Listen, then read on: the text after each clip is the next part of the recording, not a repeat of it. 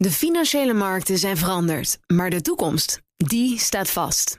We zijn in transitie naar een klimaatneutrale economie. Dit biedt een van de grootste investeringskansen van onze generatie.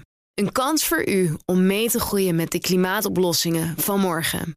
Meer weten? Ga naar carbonequity.com. Carbon Equity. Do good by investing better. Een goedemorgen van het FD. Ik ben Roger Cohen en het is vrijdag 10 november.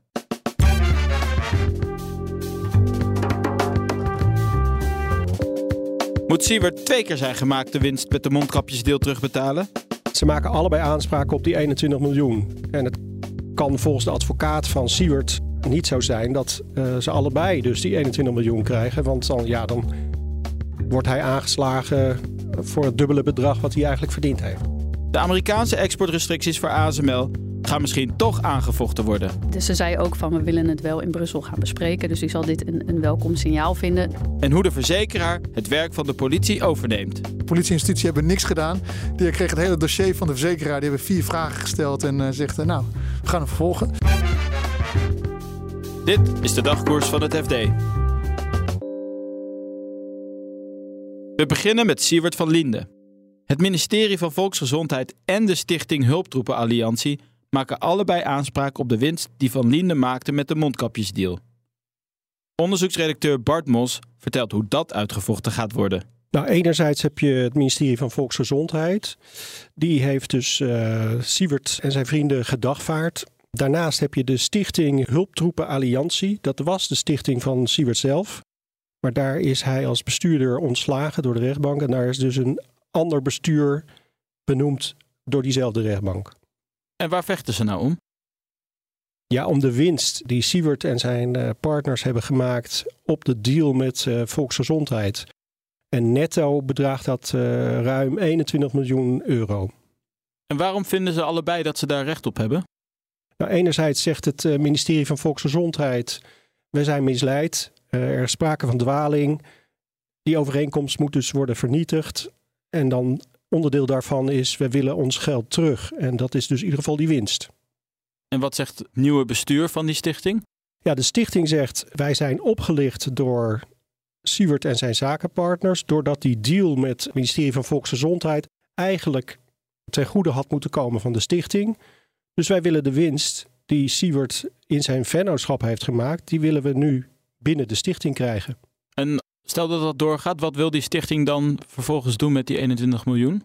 Ja, zij zijn van plan om dat eh, weg te geven aan uh, goede doelen in de zorgsector. Uh, maar ja, als het ministerie dat geld krijgt toegewezen door de rechter, dan verdwijnen die 21 miljoen dus gewoon naar volksgezondheid. Oké, okay, dus dan zou het erop uitkomen als, dit, als ik dit zo volg, dat er twee keer 21 miljoen moet worden uitgekeerd. Dat lijkt me vreemd. Ze maken allebei aanspraak op die 21 miljoen. En het kan volgens de advocaat van, van Siewert, uh, zijn, uh, zijn vennootschap, niet zo zijn dat uh, ze allebei dus die 21 miljoen krijgen. Want dan, ja, dan wordt hij aangeslagen voor het dubbele bedrag wat hij eigenlijk verdiend heeft. Hoe gaat dit proces verder? Nou, in april is waarschijnlijk de eerste zitting van beide procedures. Dus zowel van het ministerie als van de stichting. En dan zal uh, blijken wie eigenlijk het meeste aanspraak kan maken op die 21 miljoen. Oké okay Bart, en wat zegt Siewert van der Linden zelf hier nou eigenlijk over? Ja, Siewert wil liever niet reageren op de procedures die nu tegen hem uh, zijn aangespannen. Maar er loopt nog wel een strafzaak tegen Siewert. Ja, dat ook nog. Het Openbaar Ministerie houdt hem aansprakelijk voor de oplichting van zijn eigen stichting. Namelijk doordat hij die mondkapjesdeal met volksgezondheid in zijn vennootschap stopte, terwijl de stichting daar ook aanspraak op zou kunnen maken. En ook het OM eist dus de winst die hij maakte op die mondkapjesdeal terug.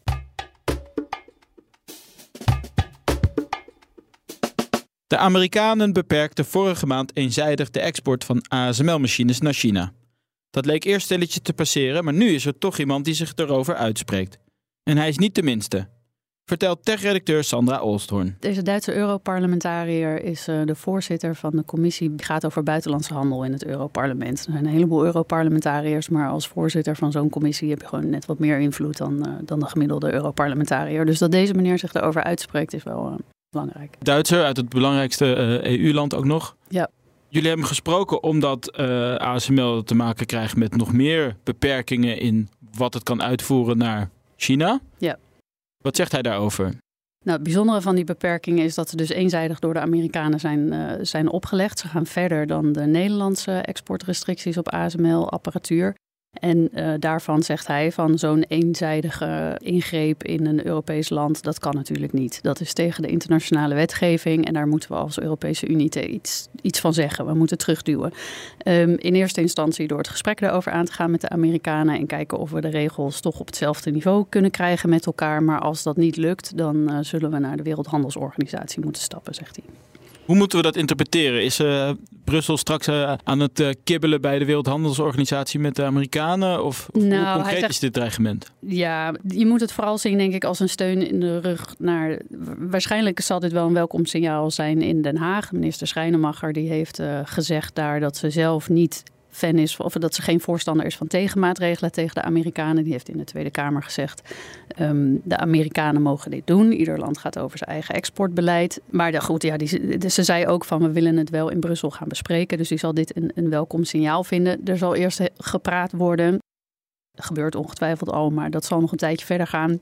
Waar je in het openbaar weinig van gaat horen. En dat heeft er ook mee te maken dat de wereld is natuurlijk in een uh, hele onrustige, onrustige periode. En Europa heeft de Amerikanen ook heel hard nodig als het gaat over Oekraïne en de conflicten in Israël. En ja, dan kan je niet al te hard uh, tegen die Amerikanen gaan duwen, want we zijn gewoon ook van ze afhankelijk. Dus hoe concreet het uiteindelijk wordt, dat is de vraag. Uh, ook wat die meneer zegt van we moeten de Wereldhandelsorganisatie erbij gaan, bij gaan halen. Ja, daarvan zei hij zelf ook. Ook dat is een beetje een ingewikkeld uh, punt, want de Wereldhandelsorganisatie ligt mede op zijn gat, omdat de Amerikanen niet daar mee willen werken, geen nieuwe rechters willen benoemen. Dus die, die is ook um, ja, een leemdak geworden, zeg maar. Het is interessant dat die Bernd Lange ook net op bezoek is geweest in Silicon Valley. Wat zei hij daarover? Ja, hij zei dat, dat deze kwestie daar niet besproken is. Maar um, hij, hij is daar langs geweest bij allerlei grote techbedrijven. En ook met uh, mensen van Californië en van de federale overheid gesproken. En hij zei dat een van de dingen die daar wel besproken is, is um, dat uh, de Amerikanen hebben een hele grote wet Inflation Reduction Act. Waar heel veel subsidie in zit voor het Amerikaanse bedrijfsleven om te vergroenen. Um, en dat is weer, um, ja, ook daar zit spanning met Europa, omdat dat weer uh, nadelig is voor Europese bedrijven die in Amerika zaken willen doen en daar dan te maken krijgen met Amerikaanse bedrijven die dus door hun overheid dik gesubsidieerd worden. Dus ook daar is een conflict tussen Europa en, um, en de VS en daar wordt ASML dan nu denk ik in die gesprekken er ook ingevouwen.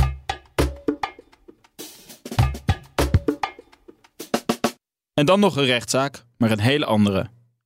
Ivano was bijna 20 toen er een auto achter op zijn Tesla reed. Het leidde tot een rechtszitting die met veel belangstelling werd gevolgd. Onze rechtbankverslaggever Karel Grol was erbij. Het was een hele kleine zaak in Rotterdam uh, op een woensdagmiddag. Het verbaasde me heel erg, want het was heel druk. Het ging over een jongen die had de verzekering gefraudeerd. Hij had, de, hij had een auto-ongeluk gehad en toen had hij gezegd: Ik heb schade. En daarna had hij zijn, met zijn belasting in aangifte had hij gefraudeerd. Het leek alsof hij meer zou verdienen, zodat hij ook een grotere schadeclaim kon uh, krijgen. En dat is ook bijna gelukt. Alleen de verzekering kwam erachter dat die, deze Divano een beetje marchandeerde daarmee. Toen was hij op gesprek bij uh, de verzekeraar en die zei van nou, uh, het klopt helemaal niet. En eerst zei hij wel, ja, klopt wel, wel. Want hij dacht, ik moet vooral niet toegeven. Tot hij op een gegeven moment zei, ja, jullie hebben ook wel een beetje gelijk. Ik heb gemarchandeerd.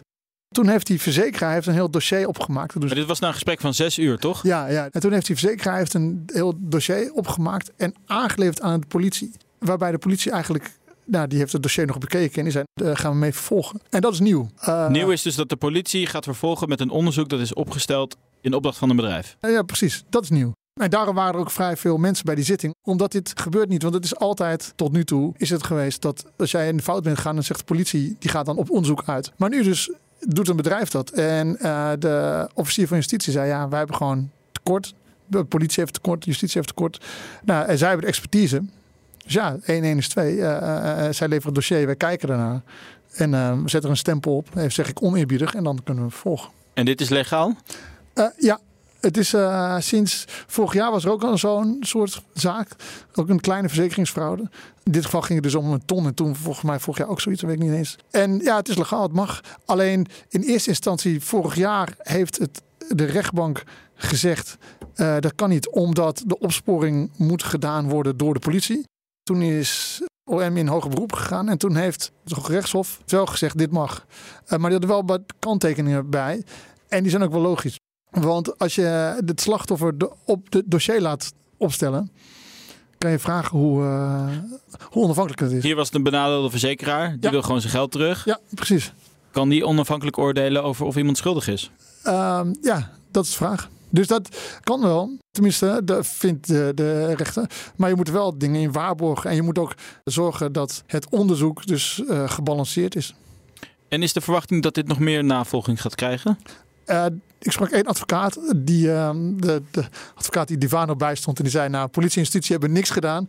Die kreeg het hele dossier van de verzekeraar. Die hebben vier vragen gesteld en uh, zegt, nou, we gaan hem vervolgen. Dus die was er wel vrij kritisch op. maar hij zei, ja, ik vermoed van wel. Want het is ook, ja, het, het neemt denk ik veel werk weg van politie en justitie. Maar er zullen wel vraagtekens bij worden gezet, bij worden geplaatst. En zo'n onderzoek dat dan is aangeleverd, de OM moet altijd de mogelijkheid hebben om dat dan weer toch weer van tafel te vegen. Of zelf zeggen van hé, hey, dat klopt niet. Of we moeten meer vragen. Of uh, die waarheidsvinding. Dat is natuurlijk wel vrij uh, cruciaal.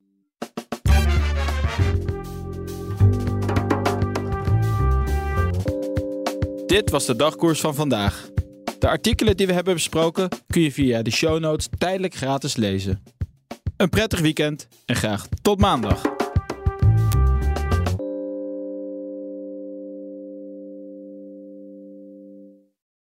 De financiële markten zijn veranderd, maar de toekomst, die staat vast. We zijn in transitie naar een klimaatneutrale economie. Dit biedt een van de grootste investeringskansen van onze generatie.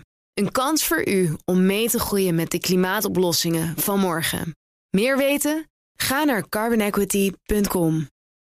Carbon Equity. Do good by investing better.